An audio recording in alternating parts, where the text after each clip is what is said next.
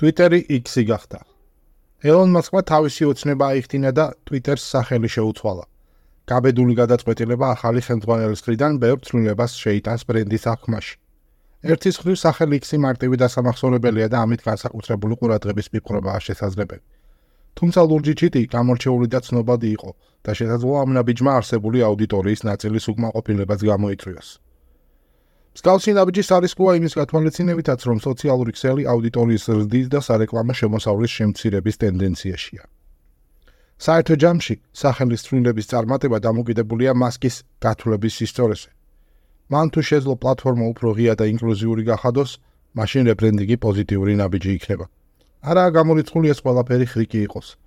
რითაც ახალ მფლობელს პრობლემებისგან ყურადღების გადატანა უნდა და თუ ეს სიმართლეა, სახელი შეცვლამ შესაძლოა ნეგატიური და შეუქცევადი პროცესები გამოიწვიოს.